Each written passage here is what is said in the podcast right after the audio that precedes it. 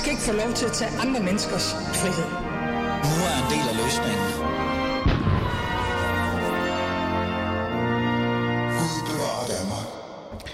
Ja, velkommen til som altid. Klokken er blevet 12.06, og du lytter til Alis Fæderland. Og mit navn er Ali Amin Ali. Stefan Hermann, velkommen til. Tak skal du have.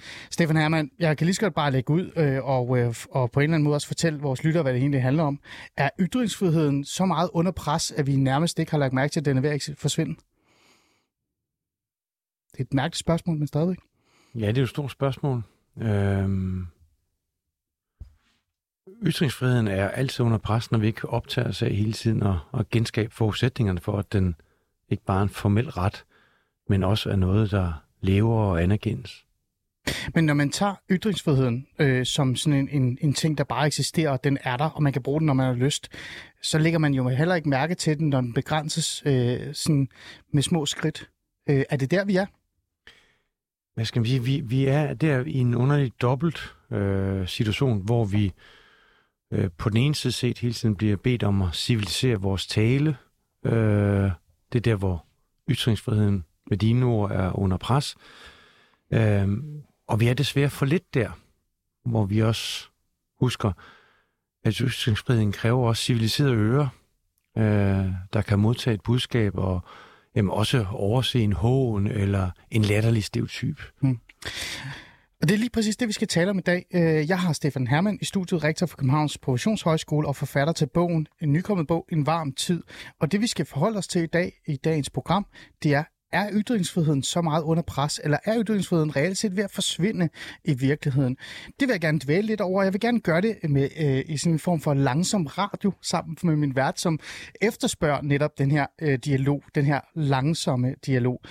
Øhm, og I er jo som altid velkommen til at deltage i samtalen. I kan skrive ind på 92 45 99 45, 92 45 99 45 og deltage eller skrive spørgsmål til mig eller, eller Stefan Hermann. Fordi jeg vil gerne vide, i dag. Er vi så meget under pres? Er ytringsfriheden så meget under pres, at vi nærmest kan opgive, at den eksisterer om få år? Øh...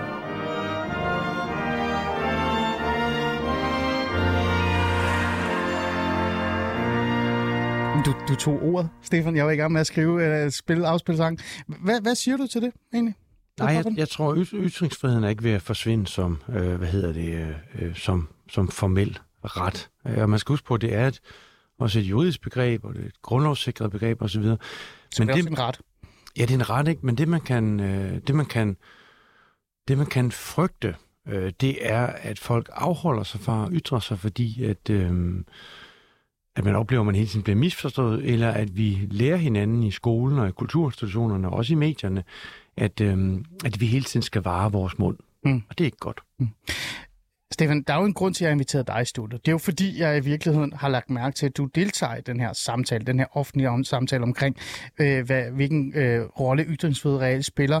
Ikke kun for vores ret til at sige, hvad vi har lyst til, og så skal vi stå til ansvar for det efterfølgende, men også i forhold til vores dannelse, især vores unges dannelse. Mm. Det vil sige, hvis man på en eller anden måde bliver udsat for en ytring, som man er kritisk overfor eller ikke er glad for, så skal det sætte noget i gang i hovedet på en. Det skal ikke være sådan en, der gør, at man automatisk lukker ned. Derfor så har du jo kvæget selvfølgelig din, din faglighed deltaget i den her debat. Vi to har stået i studie sammen. Det har vi. talte lige om det, før jeg kom ind. Øh, sidste gang jeg mødte dig, øh, in real life, som man siger, øh, som de unge gør. Der var det jo i P1 debatstudiet, hvor, øh, hvor vi oplevede, eller jeg oplevede, at der var en, øh, jeg tror det var en socialrådgiver, der ringede ind og sagde direkte i, øh, i hvad hedder det, i Erdon, at hun var glad for, at jeg ikke var socialrådgiver længere, fordi de ting, jeg havde sagt, øh, ikke passede ind til det, hun mente, en socialrådgiver mm. på en eller anden måde skulle løbe op til i forhold til det etiske, men også, øh, hvad kan vi sige, moralsk og værdimæssige holdninger. Mm. Det var der, jeg oplevede det. Du mm. kaldte det, hold op, du blev nærmest cancelled. Det var faktisk det, mm. det, der skete der. Derfor så synes jeg, det var vigtigt at have dig øh, i studiet. Men for lige at sådan på en eller anden måde at, at forklare, hvad det er egentlig, vi sådan, øh, hvor, hvor vi skal starte hen, fordi det er jo en meget lang samtale. Altså, jeg har jo lavet programmer om det her i næsten alle de år, jeg har overhovedet været i nærheden af en, en mikrofon. Ikke?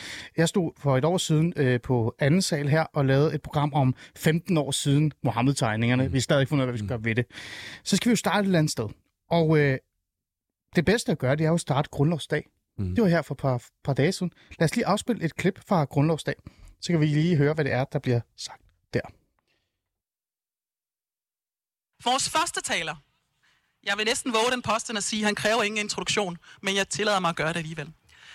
Stefan Hermann, han er rektor for Københavns Professionshøjskole. Han stod her også sidste år, og det er derfor ikke tilfældigt, vi inviterer ham ind igen, for han er ikke blot en stærk taler, han er også en stærk taler i de svære emner. Stefan Hermann, hvor var det, du stod her øh, i søndags på Grundlovsdag? Jamen, øh, jeg stod i Ørstedsparken, hvor øh, gruppen Parti, øh, som er en gruppe af øh, undervisere, jurister, intellektuelle, politisk engagerede figurer, øh, kæmper for ikke bare ytringsfriheden, men også undervisningsfriheden, og har taget navn efter den franske lærer Samuel Paty, mm. som blev halshugget i oktober øh, 2020. Og hvad var meningen med det her? Altså, hvad er meningen med øh, det her øh, grundlovstaleværk? Er det at sætte fokus på det, eller er det at reelt set starte en form for oprør? Jamen altså, jeg tror, øh, meningen med, med min grundlovstale og grundlovsarrangementet var øh, at fortælle øh, den politiske offentlighed, hævn de borgere, som var i Ørstedsparken, men også politikere som sådan, at, at det her emne er fuldstændig afgørende for, øh, man kunne faktisk bruge udtrykket integrationen i det demokratiske Danmark. Mm. Og øh, interessante grundlovsdag, det er ikke bogstavskombinationer og taktiske udmeldinger fra politikerne, det er faktisk at tage de dybe anlæggende alvorligt. Mm. Og demokrati er et dybt anlæggende. Ytringsfrihed og retsstat er et andet dybt anlæggende.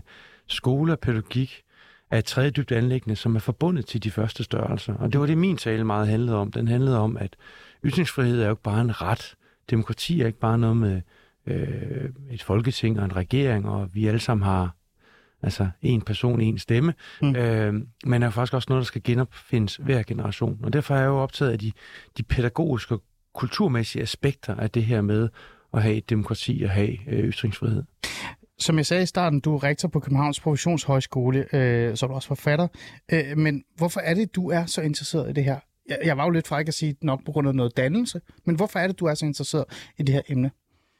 Jeg er så interesseret i det her emne, fordi at, at demokrati og ytringsfrihed, samtale og fri ord, øh, skal, som jeg sagde før, de skal genopfindes i hver generation.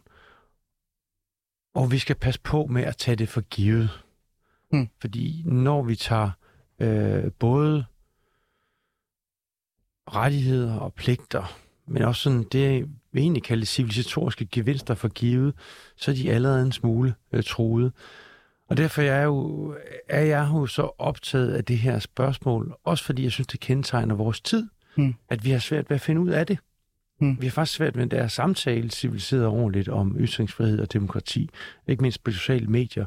Øhm, og det synes jeg er en kolossalt stor øh, udfordring. Det er derfor, jeg siger egentlig, at vi lever ikke bare i en varm tid, når det handler om naturen og overophedningen, eller når det handler om vores forhold til os selv, ikke? der kunne man i gamle dage gå kold, og nu smelter man, øh, brænder man sammen.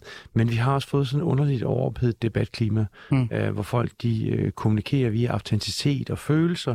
Og for mig at udgør det nogle, øh, nogle lidt triste veje i forhold til en sund demokratisk øh, debat og offentlighed herunder, hvor man øh, er klar over, at man skal også skal tåle at høre på meget røv. Mm. Og det er en del af gamet. En del af gamet øh, må jo også gælde øh, på professionshøjskolen. Nu er du jo øh, lektor, eller rektor, undskyld, øh, på, på øh, Københavns Professionshøjskole. Og de gange, jeg har set dig deltage i debatten, der har det jo også været øh, på baggrund af det her med, for eksempel, skal man undervise i Mohammed-tegninger? Mm. Hvor meget ytringsfrihed skal der være? Øh, skal man passe på med at undervise i specifikke tekster og bøger, fordi lærerne er bange for at blive cancelled, fordi der er en minoritet? Øh, så jeg tænker, det må da også være noget... Øh, Altså det må være mere end et værdispørgsmål for dig. Det må også være noget øh, praktisk, altså noget, du oplever ja. i din hverdag. Kan du fortælle lidt mere om det? Jamen det kan jeg godt.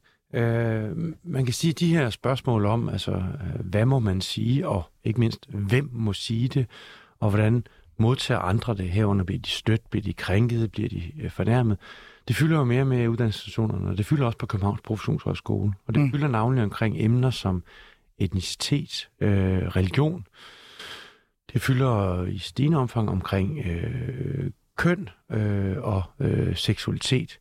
I det hele taget øh, knytter det sig til nogle af de der nye skabeloner, vi bruger, når vi forstår vores samfund, ikke? Altså undertryk over for undertrykte, patriarkatet over for de andre, osv. osv. Og det, jeg synes, der er interessant her, det er jo, at det er jo ikke sådan, at jeg får mail som det er fra studerende eller undervisere hver dag. Men det er stærke tendenser, og der er en generel øh, både nysgerrighed, men også rådvildhed i forhold til det. Og derfor har jeg kastet mig ind i det, øh, både i forhold til min rektorrolle, men også i forhold til den udadvendte del af, af min egen figur, fordi jeg synes faktisk, det er ret vigtigt. Mm. Du siger, det er ikke fordi, du får så mange eksempler øh, af det i hvert fald øh, i din mailbakke, men har der været eksempler, øh, der er kommet igennem eller forbi dit øh, bord? Ja da, det har, det har, det har der bestemt været. Altså, vi, det mest efterhånden kendte eksempel er en, en, en underviser, øh, som fik tilnavnet Charlotte, øh, havde populeret på Facebook, at hun ville bruge øh, Mohammed-tegningen i sin undervisning og måtte så gå under jorden mm. efter råd fra PET og fast kontaktperson. Det var sådan et eksempel på, hvor, hvor, hvor udsat øh, en lærer og en underviser kan være. Og der tog vi en meget stærk debat på Københavns Professionshøjskole om det her spørgsmål, og jeg lagde markant for land om, at det at være studerende, det at være elev, det indebærer ikke det privilegium, at man kan friholde sig fra at møde genstande, emner, udsagn i og om virkeligheden, som man ikke bryder sig om. Mm. At civilisere sig til at blive del af en profession, at civilisere sig således man kan blive borger, handler jo også om at møde modstand, herunder også kunne håndtere sit eget ubehag, omsætte instinktet af modvilje til et godt argument. Og derfor skal man selvfølgelig kunne undervise i øh, hvad hedder mm. det, Mohammed-tegninger, man skal kunne vise dem. Og når de vises i en undervisningskontekst, så viser de, de jo med et pædagogisk forlæg. Det vil sige, at du viser dem aldrig øh, for at, at håne og udskamme. Du viser dem heller ikke for at behage, du viser dem for at undersøge, hvad gav de anledning til at debat? Hvorfor var de farlige? Hvad for nogle satiremæssige greb blev bundet? Et et etc. Øhm, og det er der, hvor jeg synes, den går helt galt øh, nogle gange, hvor vi så, så, hvor man ligesom i uddannelsessystemet eller skolerne, når man er bange for at vise kontroversielle ting, så arver man, øh, undskyld mig udtrykket, de næsten værtshuslignende udskamningselementer for den politiske debat og trækker med ind i klasselokalet, mm. frem for at lade dem være derude og sige, nu tager vi det her betændte emne, og så stiller vi os i en position, hvor vi undersøger det. Mm. Fordi nu er I ikke, nu er I elever, nu er I studerende, og vi har faktisk et kvalificeret rum, hvor vi kan undersøge tingene. Mm. Øh, det er jo et godt eksempel, du trækker op. Det er et eksempel, som alle kender. Øh, men en af de ting, jeg altid har været øh, optaget af, øh, jeg vil nærmest bruge ordet betaget af, fordi det er jo den måde, man virkelig kan ændre noget. Men lad os bare bruge ordet optaget af. Det er de små mm. eksempler. Mm. De eksempler, som ikke det bliver til dødstrusler eller had eller sådan noget. Det er de små hverdagseksempler, som bliver, altså, hvor, hvor hverdagen bliver korrigeret, øh, reduceret, censureret, øh, begrænset. Øh, har du nogle af dem? Har du oplevet nogle af dem? Har du hørt nogle af dem på din skole? Ja, så har vi haft eksempler, hvor en studerende øh, øh, har, har båret niqab. Øh, det er der nogen, der synes, at den studerende, hun skal have lov til at gøre, der er andre, der synes, hun ikke skal gøre det. Hvordan griber man sådan en anden studerende, der øh, kræver at få en praktikskole, hvor de ikke møder, øh, eller har at gøre med elever efter 5. klasse, fordi så begynder drengene at kønsmodnes. Øh, så den der type af mikroeksempler er der jo selvfølgelig rigtig mange af, og mm. mange af dem hører jeg jo ikke noget om. Mm. Jeg er jo, jo rektor for en institution med, med 20.000 studerende. Mm. Så de eksempler er der øh, bestemt. Vi har også eksempler med, altså man kunne sige på den anden side, altså en, en forskelsbehandling eller tiltaleformer, som man slet ikke kunne forestille sig var øh, ville ske nu til dags. Mm. Prøv lige at sætte lidt ord på det. Ja, vi havde for eksempel en, en, en klagesag, kan jeg huske, på et tidspunkt, hvor to øh, lærerstuderende med muslimsk øh, baggrund øh, blev bedt om at fjerne øh, deres øh, kutteklædte øh, påklædning, inden de skulle et eller andet. Og, øhm, og det anser jeg for altså, uantageligt. De skal ikke øh, kaldes på, som muslimer skal kaldes på som studerende, og derfor kommenterer man ikke den der slags ting. Hmm. Mange andre ting kunne nævnes. Vi oplever også en, en vil jeg så sige, det kan vi se i målingerne også, en ny øh, følsomhed over for forskelsbehandling, hvor at en øh, klage over en eksamen bliver koblet sammen med forskelsbehandling. Hmm. Selvom en eksamensklage jo ikke nødvendigvis har noget at gøre med, med, med, med forskelsbehandling. Så jeg vil også sige, at vi oplever også den der, den der virkelighed, at tingene råder sig sammen. Mm.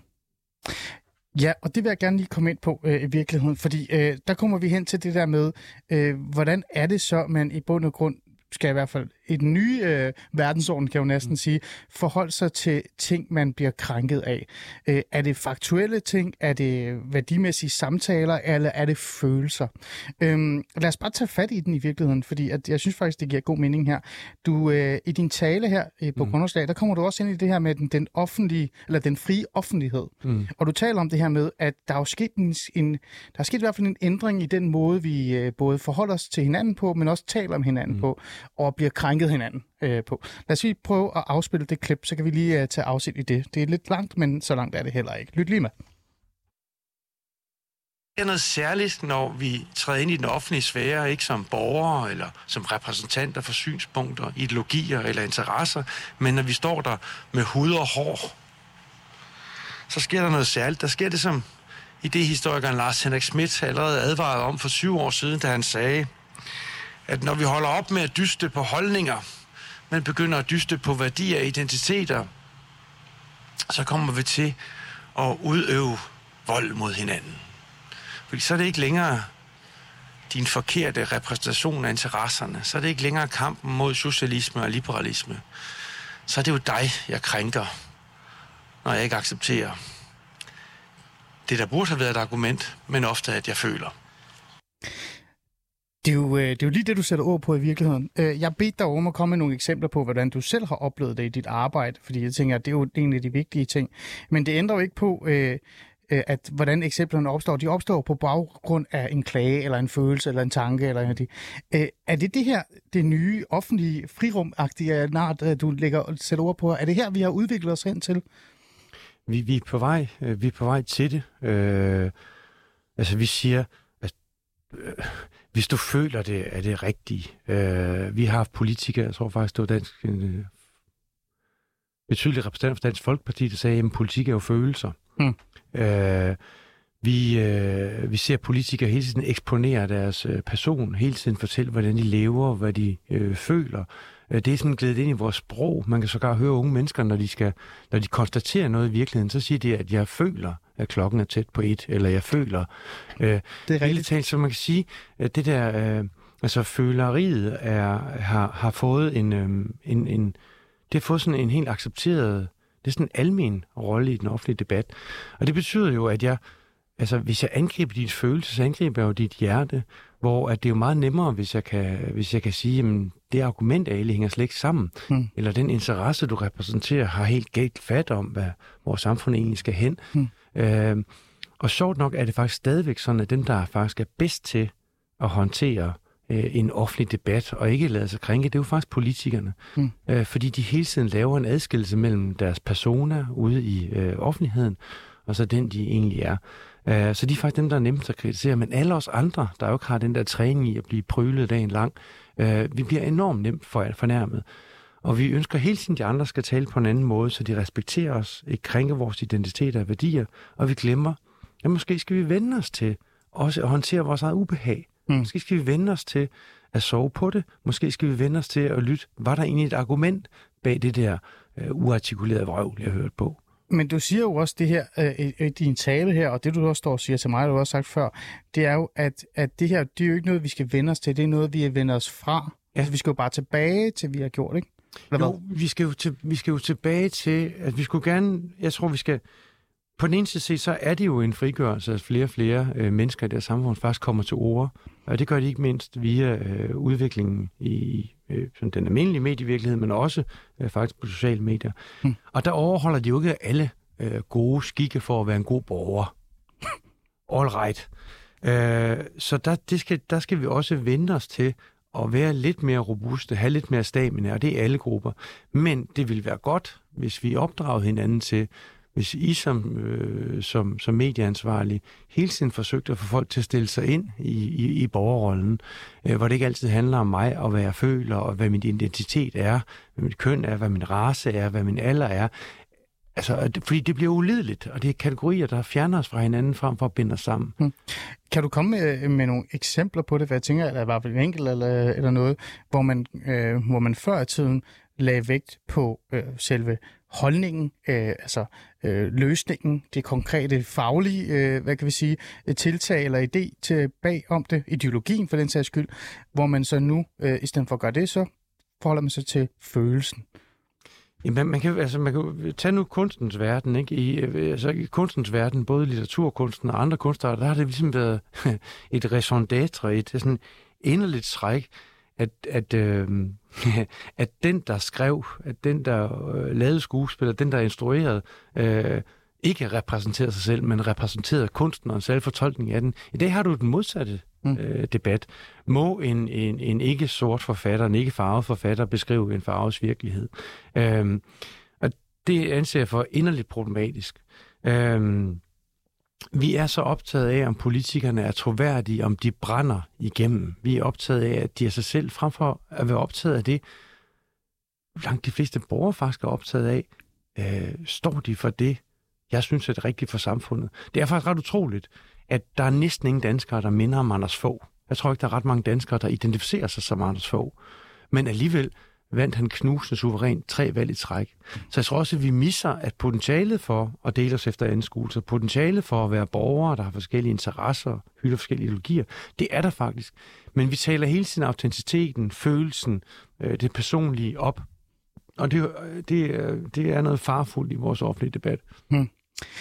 Øhm, jeg bedte dig jo sådan at komme med nogle eksempler. Det er du jo kommet øh, med, og jeg bedte dig også om sådan at fortælle mig lidt, hvad det egentlig der i bund og grund er sket, og du sætter ord på det her med, at vi koncentrerer os mere om, hvad følelserne er, altså hvad de siger, end det konkrete. Jeg jo godt komme med mit eget lille eksempel på, jeg mener jo for eksempel, at religionskritik er rykket sig fra at være religionskritik mm. til at være en kritik af individet og deres mm. følelser i forhold til religionen. Mm. Man kan også sige, at udlændingepolitikken mm. er også blevet, øh, det handler ikke om det, altså det pragmatiske i forhold til antal, mm. eller øh, hvordan kan vi hjælpe bedst. Det handler om følelsen. Mm. Følelsen. Du angriber mm. syren, som er ked af det, ja. mere end du angriber det faktuelle og begrundelserne ja. og dialogiske værdimæssige i det. Øhm, siger du, det er det politiske spil, som på en eller anden måde har infiltreret eller øh, ramt vores, øh, altså helt almindelige borgers dannelse, som har gjort, at vi også har taget det til os? Eller er det på grund af nogle andre ting, det kommer? Det, det er virkelig et kompliceret øh, spørgsmål. Jeg fristes sådan næsten til at sige helt i ånden af min bog og mit synspunkt her, det ved jeg ikke. Det skal jeg lige tænke over. Men jeg, men hvis jeg skulle pege på noget, så, så altså kan man sige jo helt frem til, til øh, 70'erne, så øh, der lykkedes det jo sådan at forene øh, øh, borgerne i Danmark som, som folk og en relativt homogen gruppe. Ja. Eller den gør sig i hvert fald homogen. Ja. Uh, det første brud, du så får, det er, at du får nogle helt andre kulturer og indvandrergrupper repræsenteret. Og det giver sadning til hele den der multikulturalisme-diskussion. Mm. Og den er der jo i dag med sine meget stærke værdipolitiske overtoner, og herunder med sin meget stærke sådan, emotionelle uh, træk, når at man, man smadrer en syrisk familie, når man laver øh, hvad hedder det, begrænsninger i, øh, i, i asylsystemet, eller hvad det kan være. Ja. Men den er der også på den nye flanke, som ikke er multikulturalismens flanke, men som er det, jeg vil kalde subkulturaliseringsflanke. Mm. Og det er der, hvor du ser den omkring øh, køn, øh, seksualitet, øh, alle mulige typer af hvad hedder det, nye identitetsformer, som kræver hvad hedder det, øhm, anerkendelse, men også kræver ny regulering og simpelthen ny adfærd i sproget, i skolen, i kulturinstitutioner. Så det er på den måde meget mere kompliceret, end det var i nullerne, hvor det jo primært var, hvad hedder det, også dem konfliktaksen, som blev lavet med, ikke mindst øh, fra den borgerlige side. Hmm.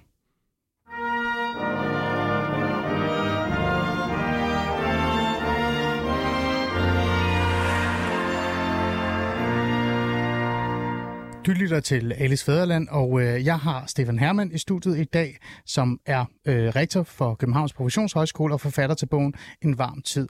Jeg har inviteret dig i øh, studiet, Stefan, fordi jeg i bund og grund gerne vil vide lidt mere sådan konkret, hvad er det, vi er, bliver, altså bliver udsat for. Er ytringsfriheden så meget under pres, at vi vil miste den?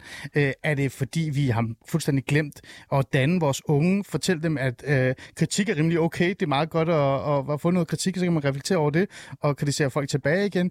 Eller er det fordi, at man i altså, sidste ende bare har ladet følelserne tage overhånd, og nu handler det mere om, hvad jeg føler, end hvad jeg reelt set mener eller ved noget om. Øhm, det har vi brugt den første halve time til at, sådan, at, lidt at tale lidt, øh, lidt øh, ja, hvad kan vi sige, analyserende omkring, eller jeg har i hvert fald stillet dig en masse spørgsmål. Jeg får ikke lyst til at sige, at det nærmest har været 30 minutters deadline, ikke? Øh, og jeg er jo virkelig ikke stor fan af deadline, det ved I alle sammen derude. Det er virkelig noget, jeg ikke ser. Jeg troede på et tidspunkt, Stefan Hermansen, at, eller Stefan Hermann, at det var sådan et, det var en eller anden, øh, hvad hedder det, engelsk serie, eller et eller andet, der kørte. Lad det ligge. Øh, men jeg vil jo gerne videre end det, fordi det er jo der, vi altid ender. Vi, altid, vi ender altid med de her øh, et ideologiske samtaler omkring, hvordan tingene er kørt rundt, og hvordan retsstaten burde være, og, og så videre, og så videre, og hvad der egentlig der er sket. Jeg vil gerne vide sådan, her især til sidst i sidste halve time, hvordan opstod det? Hvem er ansvarlig for det her? Mm. Og hvorfor er det, vi ikke gør noget? Altså, hvorfor er det, I står ude og holder grundlovstaler fra hinanden øh, øh, hvert år den 5. juni, og jeg kan ikke rigtig mærke noget forskel, og ser mm. intet. Jeg kan bare se, at det bliver værre og værre. Ikke? Øhm, du har også skrevet din bog, det nævnte over for mig, øh, som jeg desværre ikke har fordøjet endnu. Det glæder mig rigtig meget til at gøre. Det kommer vi også lidt på senere for sin bog. Men jeg har jo så tænkt over, hvor kommer det her fra? Hvor kom det her følelsesmæskrineri mm. fra? Hvornår var det, vi begyndte at gå væk fra det, øh, den der majoritetsforståelsen mm. til at blive sådan mere klanagtigt tænkende? Mm. Det er jo lidt det, vi er blevet, ikke? Øhm, og også følelser det kom jo, som du selv sagde, med den her øh, migrationsbølge, der ramte øh, Vesten, øh, Europa og også Danmark. Men jeg har også lidt siddet og tænkt, kom det ikke også med vlak-regeringen mm. virkeligheden? Værdikrigerne, mm. som Esben Schøring fra Altinget har skrevet en bog om, en skøn bog, skøn jeg find den.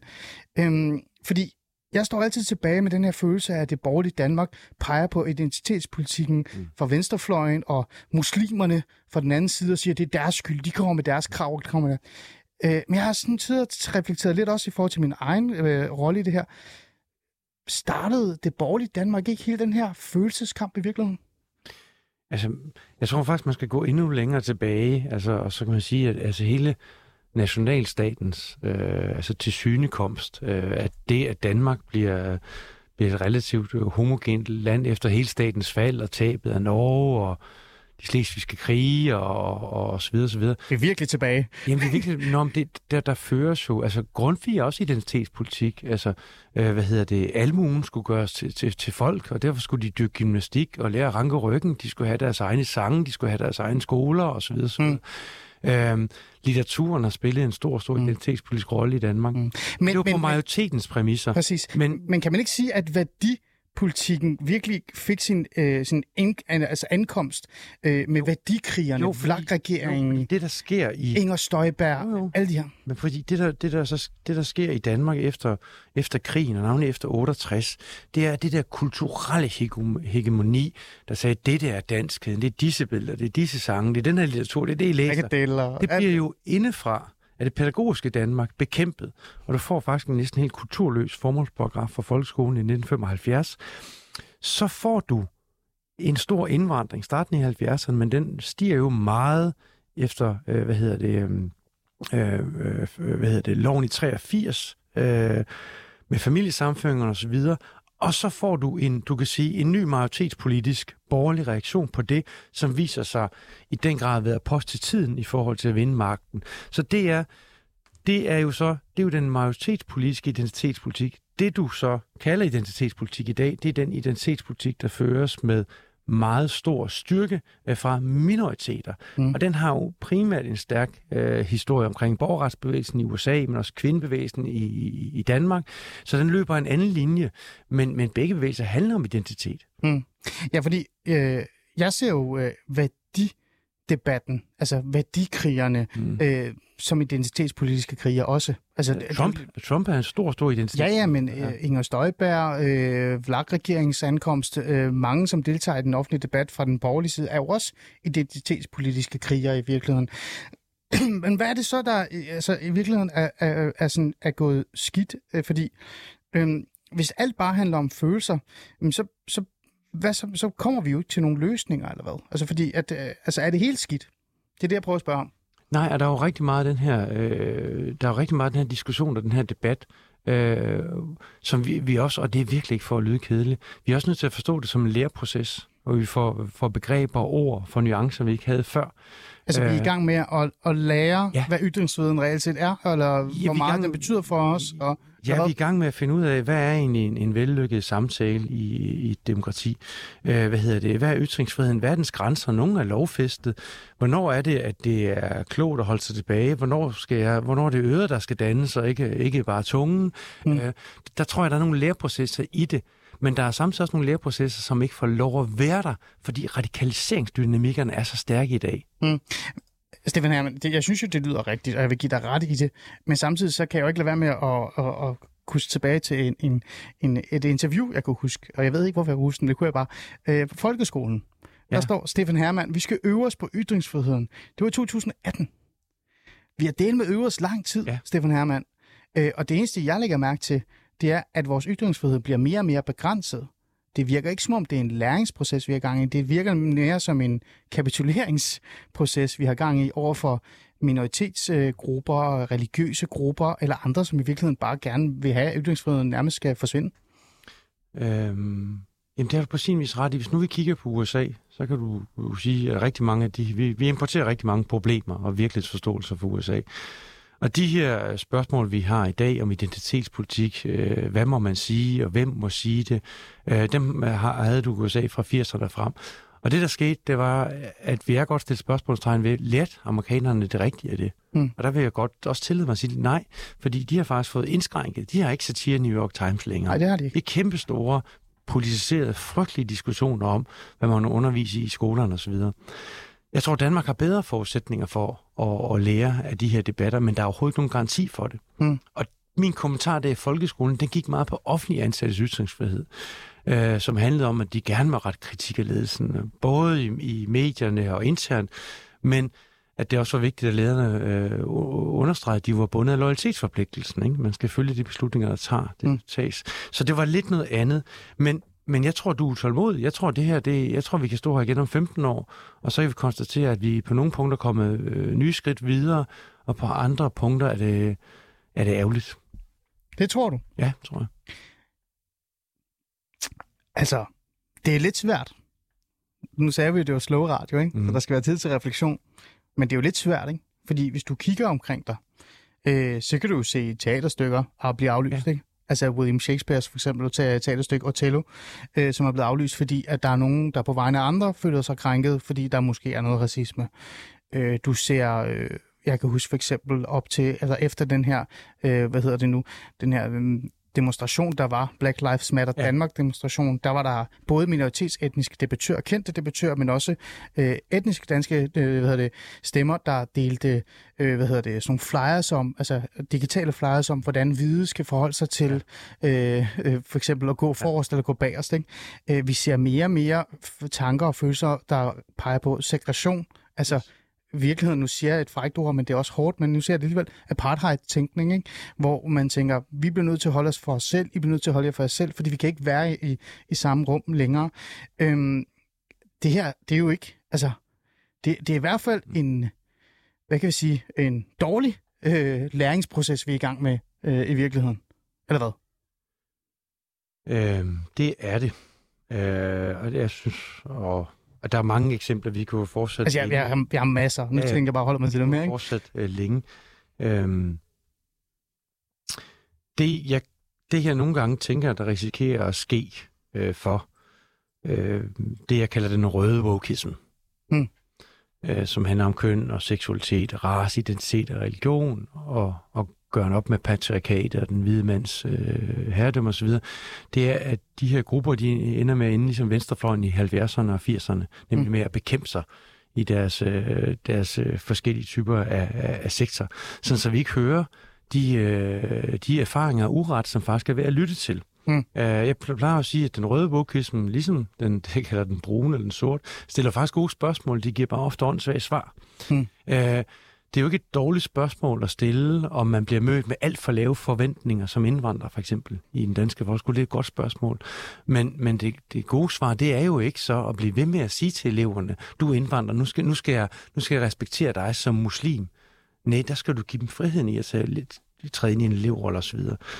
Øh, Så, så nej, jeg er egentlig heller ikke, hvad hedder det, jeg, jeg er ikke, altså min prognose er ikke øh, idel optimisme, men jeg har dog et håb, øh, fordi at jeg oplever øh, ved at ture færdig i mange forskellige miljøer, at der er på en eller anden måde nogle læreprocesser. Jeg er mere bekymret over, at radikaliseringsprocesserne på de sociale medier er så stærke, at de giver simpelthen likes at være meget imod nogen, eller være meget forarvet på andres mm. vegne. Det kan også give en masse likes, og synes, at nogen er super seje. Det vil sige, det er det der autentiske, ekspressive følelsesprog, der, der, der, der, der, der skaber popularitet, hvor jeg nogle gange savner sådan de lidt mere kedelige typer. Ja. Men så er det godt, at jeg er sådan en type, der er faktisk godt, lidt ligeglad med likes. jeg deltager ikke rigtigt. Det er sjovt, øh, Stefan Hermann. Nu får du det at vide. Der er mange, der er efter mig, fordi de spørger sådan lidt, hvorfor skriver du ikke øh, i dit øh, kommentarspor, eller svarer os, når vi, når vi stiller spørgsmål til dig? Og mit svar er altid, jeg har ikke deltaget i sociale mediedebatter siden 2017. Nej. Jeg har ikke tænkt mig at gøre. Øh, hvis man gerne vil sige noget, så kan man skrive en klumme, øh, og så kan man sætte en navn på det. Det er velkommen til derude. Men, men det ændrer bare stadig ikke på den her udvikling, Stefan Hermann. Fordi jeg ser jo også de mennesker, som gerne vil forsvare den liberale demokrati, mm. øh, som jeg håber stadig hersker i vores lille andedam, som jeg mener er under pres. De har heller ikke så stor interesse i at møde modstanderne. Og modstanderne har ikke lyst til at møde dem. Øh, Og det bliver meget silo, det her. Det bliver meget islam skyld for alt, ikke? Mm. Øh, identitetspolitikken mm. er forfærdeligt i alle dens aspekter. Der er intet, der er neg- positivt. Og modsat, jamen, det er jo bare hvide, ciskønnede mænd, ikke? Eller øh, crazy højrefløjsfanatikere, mm. osv., osv. Ytringsfrihedsfanatikere er også et emne, øh, der er blevet. Øhm, igen tilbage, det er jo mere, det her det er jo segregation. Det er jo ja. ikke en reflekterende øh, læringsproces, vi har gang i, Stefan Hermann. Nej, at det er jo derfor, det er så afgørende, at vi har øh, et, en fælles offentlighed. Det har vi, den er jo selvfølgelig blevet meget mere kompliceret også i Danmark. Øh, men det er vigtigt.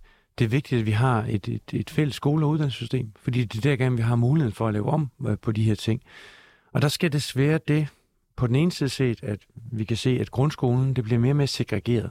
Både fordi, at de samme indkomstgrupper bosætter sig i de samme områder, så går deres børn på de samme skoler. Du har også en vækst i, i antallet af frie skoler, hvor man stort set ikke har nogen reguleringsmuligheder over for, den, for dem. Øh, så, så der har du en spredning eller en splittelse mellem befolkningsgrupper.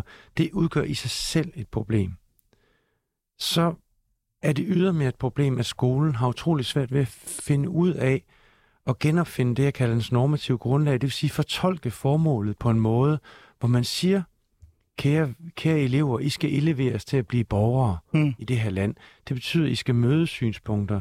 Det betyder, som I ikke bryder jer om. Det betyder også, min datter har faktisk ret til at krav på, at hun ikke er min datter, når hun træder ind i skolegården, så er hun en elev. Ja, ja. Bestemt klassetrin. Mm. Den kæmpe frihed skal vi lære påskynde, og det gør vi ikke, når der går identitetspolitik i den. Mm. Hvis så skal min datter anerkendes som pige, så skal hun anerkendes som øh, non-binær, og det, og, og det dur ikke. Det bliver meget forvirrende i hvert fald.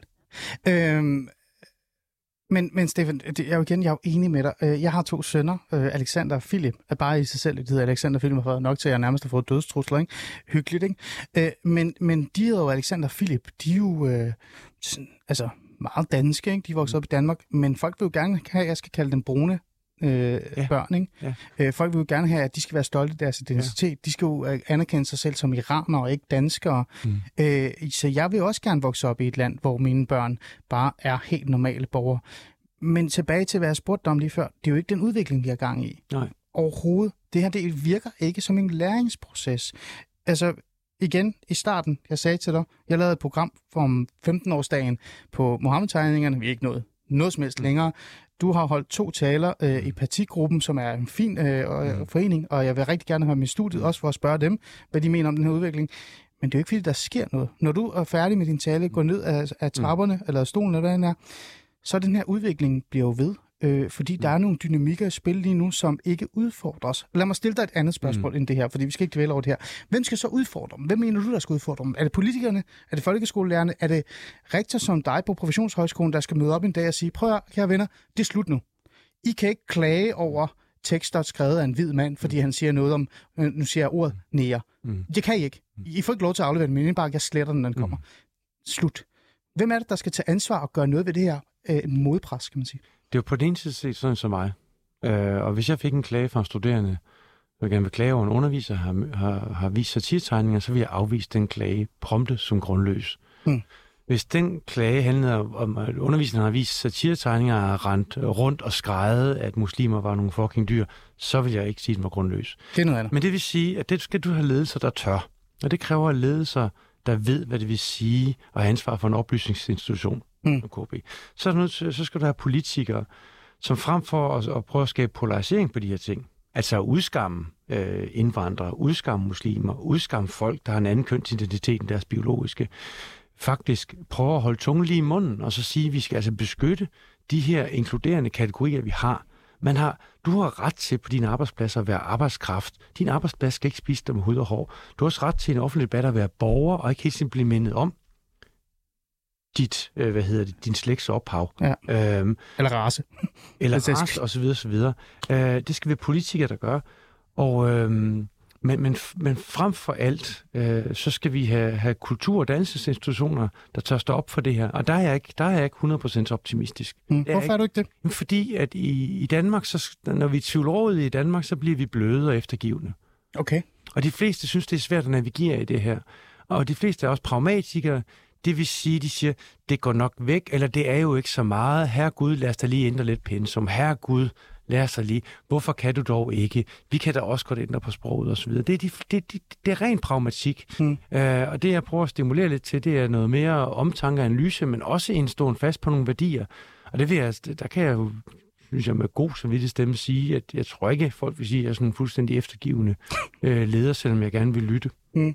Øh, du har jo skrevet den her bog. Lad os gå hen til bogen, øh, som, øh, som hedder, øh, hvad hedder det, øh, En varm tid. Øh, jeg lavede lidt sjov med det, fordi man kalder det også varme tider, når der er bandekrig. Så jeg spurgte dig sådan lidt, er vi i gang med sådan en eller anden, altså er der en krig under opsejling? Det mener jeg jo reelt set, der er. Jeg synes, der er en stille krig under opsejling, hvor to parter bare står og råber hinanden, men under det, der sker de her små justeringer, daglige justeringer, som som sørger for, at den ene side vinder. Ikke? Øhm, men her kommer du jo med et eksempel på, hvad du synes kunne bidrage til, at man kan måske løse nogle af de her problemer. Du vil gerne have, at vi skal tale langsommere, mm. for eksempel. Prøv lige at fortælle lidt mere om det. Jeg synes, der sker, eller jeg vurderer, at der sker det i den offentlige debat på mange sociale medier, at vi hele tiden skal udtrykke os, og vi hele tiden skal have et stærkt statement. Mm. Og i stedet for statement, der vil jeg gerne have en samtale. Og en samtale er der også nogen, der lytter. Og i en samtale kan man skifte synspunkt, uden at forråde sin identitet, sin slægt, sin race osv. osv. Uh, og i en samtale, der har man faktisk pligt til at lytte. Og derfor så... Øh, og jeg prøver sådan for at undgå at ryge over Ali i selvhjælpsgenren og sige, så skal du gøre det, Ali, så skal du gøre det, Stefan Hermann. Så prøver jeg at sige, at det faktisk er her, hvor kulturmedier, men ikke mindst også uddannelsesinstitutioner, har en vigtig, vigtig rolle. Prøv at lægge mærke til, hvordan alle elever bliver belønnet for at udtrykke sig. Mm. Række hånden op. Ja. Vær på. Hvad med, at vi også belønner dem for eftertanken? Hvad med, at vi belønner dem for at benytte sig af tvivlens nådegave, inden de handlede? Øh, der er vi... Øh, så de spørgsmål prøver jeg ligesom at stille i, øh, i, i hvad hedder det, i, i, min, øh, i min bog. Mm. Øhm, man kan sige tidligere, så sikrer vores institutioner den stærke lærerstyring. Øh, forældrene, der er bestemt i familien. Mm. Mm. Nu må I sige noget børn, ikke? Læreren, der styrede klassen stærkt. Men også redaktioner. Mm. Der var mange filtre, før end at følelsen kunne komme ud. I dag der er det jo filterløst, og det betyder, at følelserne ikke nogle gange er igennem. Altså, Jeg tror, det var Grundtvig, der sagde, at fornuften skal gøre følelsen klar. Fornuften Mm. mm. skal ikke fjerne følelsen, men Mm. den kan gøre den klar, så den kan begribe sig andre og også blive fri Mm. mm. fra sin ejermand, Mm. MK. Men vi kan jo ikke bare lukke ned for de sociale medier, for det er jo de sociale medier, og jeg kalder dem de sociale platforme, for jeg kan faktisk ikke lide at kalde dem medier, Nej. for det er de jo ikke. Det er jo platformene, der har givet den almindelige dansker en stemme. Ja. Øh, og, den, og den almindelige danskers, øh, altså i hvert fald den, der råber højst, kan i hvert fald få flere likes, og kan være mere polariserende i virkeligheden. Det er det, der belønnes. Vi kan jo ikke lukke ned for de medier i morgen. Jeg har jo stået, og nu siger jeg noget ærligt det her, og jeg håber, I lytter med i virkeligheden, lyt skarp efter. Jeg har jo stået øh, og oplevet redaktionsmøder, eller mine kollegaer eller andre journalister, der nærmest har, været, har klaget over, at man har taget visse emner op, fordi de kan godt være stødende over for andre, og det har man jo et ansvar for. Det her kan vi jo ikke lukke ned for. Det her det er bare vores hverdag. Det er den hverdag, jeg vågner op til og dukker op til hver dag, når jeg møder op på arbejde. Det skal jeg forholde mig til. Øh, men der er jo brug for, at der er nogen, der kan sætte nogle refleksioner i gang i det jeg har jo skrevet i min, i min øh, klumme, som du også har læst, som har den her, der kaldes Ytringsfrihed under pres for minoritetsgrupper på Christi Dagblad. I kan gå ind og læse den, eller finde den. Der er skrevet, vi som danskere skal ikke bare ryste på hovedet og sige, at det er bare en lille ting. Eller tro, at hvis de har haft debatten i deadline, så er den givet barberet. Mm. Nej, det her forsøg på at finde sprækker i det fundament, vi alle står på. Og hvis vi ikke alle gør vores for at presse tilbage, så vil fundamentet gå i stykker. Det her det er jo fundamentet, vi på en eller anden måde skal mejsle, eller hvad nu hedder. Ikke? Altså, jeg er ikke god, jeg er ikke mur. Øhm, hvordan kan vi gøre det? Fordi jeg kan jo ikke komme op på arbejde, og så kigger jeg min reaktion øh, i øjnene og siger, øh, okay, ja, det må I ikke sige det der. Altså, flertallet vinder jo mm. i virkeligheden. Hvad, kan vi, hvad skal vi gøre? Jamen, jeg, jeg, øh, jeg er enig med dig. Jeg, jeg, det, er, det er, vi diskuterer sætningsskader. Ja, præcis. Spørgsmål om det er K1 eller K3 og så videre. Ikke? Ja. Nå, men det er alt for nemt. Det er alt for nemt, hvis Christiansborg bare beslutter, nu skal der laves, øh, nu skal alle vise satirtegninger, det skal ske den første. Mohammed-tegninger Mohammed-tegninger. everywhere. Lige præcis. Det er alt for nemt, og så kan de bruge det i en valgkamp og så videre, så videre. Det er alt for nemt. Hmm. Man er nødt til at tage den der dybe, lange, rodfæstede samtale med det pædagogiske Danmark, forældrene, lærerforeningerne, lærerne, skolelederne, pædagogerne osv. osv. om hvorfor det er vigtigt, at man også som elev bliver udsat for at blive stødt. Mm. Øh, tænk sig, hvor stødende det måtte være lige efter krigen, når man i undervisningen viste eleverne bedre eksempler af Hitler-regimets øh, propaganda mod jøderne. Prøv at tænke det over for elever, og for forældre, de havde lige mistet. Mm. Men der var jødernes erfaring jo, at dette var godt, Mm. fordi så kunne man se den gro. Øh, hvorfor er det, at vi ikke i dag, hvorfor er det, at vi er så bange for, at nogen øh, udsættes for noget, de ikke kan lide? Og der er mit budskab, og min, min pointe der, det er fordi, vi personligt gør alting. Ah. Og det, der jo er absurd ved, at det, der sker med religionskritikken i dag, det er, en kritik for eksempel af islam bliver til en konkret kritik af den Individet. muslim. Og det er jo Ja. ja. relativt hjernedødt. Jeg kan sagtens leve med masser af kritik af danskerne, det ene og det andet. Det er jo fordi, jeg selvfølgelig ikke øh, fuldt ud tænker, at det rammer mig i alle ender og kanter, men jo også fordi, at jeg ved, at jeg har mange identiteter. Mm. Jeg er dansker, jeg er mand, jeg er far, jeg er rektor, jeg er gammel håndboldspiller, alt det der. Og det er jo det moderne løfte, som er så smukt, og det er jo Mm. det, der betyder, at når vi accepterer, at vi har mange identiteter, herunder de fælles identiteter som borger og menneske, så er det jo, at vi kan tillade os Mm. mm. også at gå lidt til hinanden, samtidig med, at vi skal argumentere for tingene, fordi der er spilleregler derude, hvor vi er borgere. Ikke? Men øh, du siger, at, øh, at, at det vil ikke hjælpe noget, hvis politikere eller andre øh, satte en streg og sagde det her. Øh, men vil du holde fast i, at det overhovedet ikke hjælper noget? For eksempel, øh, man kunne jo være fræk at sige, at, øh, at det kongelige teater aflyser øh, William Shakespeare-klassikeren Othello, mm. fordi nogen føler sig krænket over krænket. Man kunne jo gå ind og sige som politiker, at så vil vi fjerne noget af statsstøtten til mm. det kongelige teater, fordi de reelt set ikke lever op til den grundværdi, den der demokratiske hvad hedder det, øh, ting, vi alle sammen går op i, de forsvarer den ikke. De bøjer sig jo for øh, øh, små individers følelser. Øh, burde vi ikke snart begynde at tænke på det her? Fordi, som jeg bliver ved med at sige til dig, det er jo godt alt det, du siger, men det er jo ikke den rigtige vej, vi bevæger os hen imod. Så, så kan man ikke gøre noget af det? Jo, det kan man også gøre nu. Øh, jeg har ikke, jeg har ikke dybt kendskab til den konkrete episode med Otello, øh, men jeg synes, den virker ualmindelig ringe begrundet. Øh, jeg siger ikke, at politikerne ikke øh, skal sende signaler. Det synes jeg bestemt, de skal. Mm. Og, øh, og jeg var personligt ret skuffet over, at der ikke blev sendt tydeligere signaler øh, til øh, skolen efter øh, halshugningen af Parti for Åben Gade. Det var meget skuffet over. Mm. Så det synes jeg bestemt, de skal. Og de kan også godt i ny og næ med lovgivning. Jeg tror bare, at det på lang sigt virksomme, det er, at man får dem med, der skal bære forandringen, og at man får dem med i en læreproces. Og derfor har jeg jo foreslået, at, øh, at den her diskussion, de her politiske forhandlinger, der er om censur, Ja.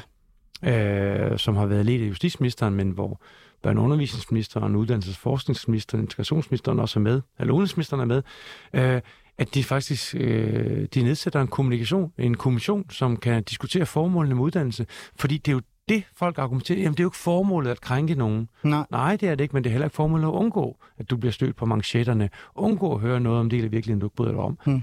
Så når du har de diskussioner, så kan du måske, øh, tror jeg, mere effektivt komme derhen, hvor at vi får så taget de livstag med nogle af de værste tendenser til, øh, hvad hedder det, øh, til wokeism i det her samfund. Vi skal lige have nogle... Øh, for jeg kan blive med at stille spørgsmål. Det skal jeg være med. For vi har også fået nogle sms'er, som vi lige skal have med. Så lad os lige bruge de sidste Yes, par minutter yes. på det. Øhm, der er et spørgsmål her til dig. Hvorfor halter ytringsfriheden for minoritetsetniske danskere, tror du? Altså, hvorfor den halter for? Øh, for minoritetsetniske danskere. Jamen, jeg, jeg tror, det er en fuldstændig reel erfaring, at øh, mange minoritetsetniske danskere har haft svært ved at komme igennem. Mm. Øh, har haft svært ved at kende de også serien danske koder, der er for, hvordan man, man opfører sig i, i den, øh, hvad hedder det, den danske offentlighed. Øhm, men altså, du er vel et godt eksempel på, at, at, at porten er åben. Ja, det har været meget nemt for mig, det kan jeg sige. Øh, kan det også være, nu spørger jeg dig om noget i forhold til det her, det er jo et øh, lytterspørgsmål i en sms, vi har fået. Kan det også være det, fordi at man som minoritetsetnisk dansker skal have de rigtige holdninger? For hvis man har de forkerte holdninger, er måske lidt for blå, i stedet for at være rød, øh, så øh, skal man være påpasselig. Ja, måske, og måske kan, der, måske kan de kulturelle tilhørsforhold hos øh, minoritetsetniske danskere være stærkere, end de er hos, øh, ja, mm. hvad kalder vi det, majoritetsetniske danskere. Øh, det er nok rigtigt. På den anden side så ser vi jo vel minoritetsdanskere øh, organiserer sig ret forskelligt. Der har været minoritetsetniske i DF, der er i Enhedslisten, der er i SF, Halime, der er Nasser Carter osv. osv. Der er meget, meget, meget bredt repræsenteret egentlig. Ja. Det kan man godt sige. Øhm... Og, og også, på, også på integrations-, religions- mm. og indvandringsspørgsmål, egentlig. Ah. Ej, det kan godt være. Det kan, vi tage en snak om jeg, en anden dag. Jeg, jeg har et overfladekendskab her. Ja, jeg giver dig i hvert fald en kæmpe stor high five, hvis jeg en dag øh, øh, bliver inviteret til et foredrag øh, på din skole eller andre skoler. Det, ja. så, så, det får du en high five for det. Øh, et andet spørgsmål med sms. Hvordan kan vi fremme ytringsfriheden uden at træde nogen over tæerne? For det er også et godt spørgsmål. Er det at sige, ved du hvad, ytringsfriheden er ytringsfrihed, og hvis du bliver ramt af en følelse, så må du acceptere det. Er det bare det? Altså, spørgsmålet er forkert stillet, fordi at øh, med, med altså, vi, vi lever jo sammen i det her samfund, og heldigvis på en måde, hvor vi også har lov til at være fri for hinanden. Uh, men når vi lever sammen, så kommer vi også til at støde hinanden. Uh, og det kræver... Altså, og satire er jo en ekstremt civiliseret form for at støde andre. Det er et problem, hvis jeg støder dig ved at slå dig, ikke? Mm. Uh, det er derfor, ja. Og være ubehøvlet, men du skal også kunne, du skal også kunne tøjle din, uh, dit ubehag. Din, uh, du skal også give afkald på din vrede, Ali. Hmm. Du har 30 sekunder til at svare på det her. Det er super frækt sagt. Hvordan kan vi stoppe dem, som misbruger ytringsfriheden, som for eksempel Paludan? Lytteren mener jo, at Paludan misbruger sin ytringsfrihed. Jamen, øh, altså, man har ikke pligt til at, at være optaget af ting, som er fuldstændig forvrøvlet og åndssvage, så der er det bedste at ignorere det. Hmm. Men man skal ikke fratage Paludan, for eksempel ytringsfriheden? Nej, det vil være helt forkert. Okay. Det var i hvert fald øh, svar på dem. Øhm, sådan. Øhm, Stefan Hermann, det har jo været en interessant samtale. Øh, jeg vil jo gerne forstå lidt mere, hvad det er, der er på spil, samtidig med at prøve at fortælle dig, at ligegyldigt hvor mange taler du holder, så bliver det her ikke bedre og bedre. Øhm, nu når du har været i studiet med mig i 55 minutter, øhm, vil du erkende et eller andet sted lidt, at vi er i gang i en form for øh, magtkamp om, hvem der reelt set skal forsvare eller værne om ytringsfriheden, men vi er også i, i en situation, hvor ytringsfriheden faktisk begrænses øh, dagligt, uden vi sådan reelt lægger mærke til det. Ja, det, ja, det gør den. Øh, det gør den øh, uden tvivl. Øh, jeg har noget at gøre, både som offentlig figur, men så har jeg også et stort arbejde at gøre ledelsesmæssigt, og det synes jeg nu, jeg har sat godt, øh, øh godt, godt gang i. Men der er det gode Ali, om den her diskussion om ytringsfriheden, det er, at vi er rigtig mange, og der er rigtig mange, der er optaget af det. Og mm. vi har faktisk flyttet os fra nullerne, fordi der var ytringsfrihedsspørgsmålet stort set alene et højrefløjsanlæggende. I dag må jeg fremhæve SF, som er et parti, som har, som har, har adskilt sig fra andre venstrefløjspositioner, også omkring det her med satiretegningerne. Mm. Så der er en bredere politisk bæreevne i forhold til deres spørgsmål. Det mm. betyder mm. ikke, at det bare bevæger sig i den rigtige retning, men det betyder, at der er noget at feste lid til os, fordi den her problematik, det er jo ikke en flot problematik. Det handler jo om midten mm. i vores samfund. Midten om mødestedet, om de grundlæggende idealer, uanset om vi er sorte eller hvide, er til højre eller til venstre. Mm. Det lyder næsten som en medlem af Moderaterne der til sidst. ja, men det er fordi, jeg taler den politiske midte på den måde. Det, det er fair nok. Eller grundfjellet i samfundet. Super fint. Stefan Hermann, rektor for Københavns Professionshøjskole og forfatter til den nykommende bog En varm tid. Tak fordi du vil komme og hænge lidt ud med mig og lave lidt uh, slow radio, som det hedder. Har det været, uh, har det været fint? Selv sagt, det var en fornøjelse. Det er godt at høre. Og til jer lytter, tak fordi I uh, lyttede med, og til, uh, til jer, der skrev sms'er ind, tusind tak for dem. Også og ude i regien, Julie, en fornøjelse som altid. Det var vanvittigt godt at have dig i ørerne. Ja, i morgen er der endnu et program, øh, og det bliver faktisk spændende. Det handler også om dannelse. Jeg synes, I skal lytte med. Det bliver i hvert fald rigtig godt. Nu er der nyheder.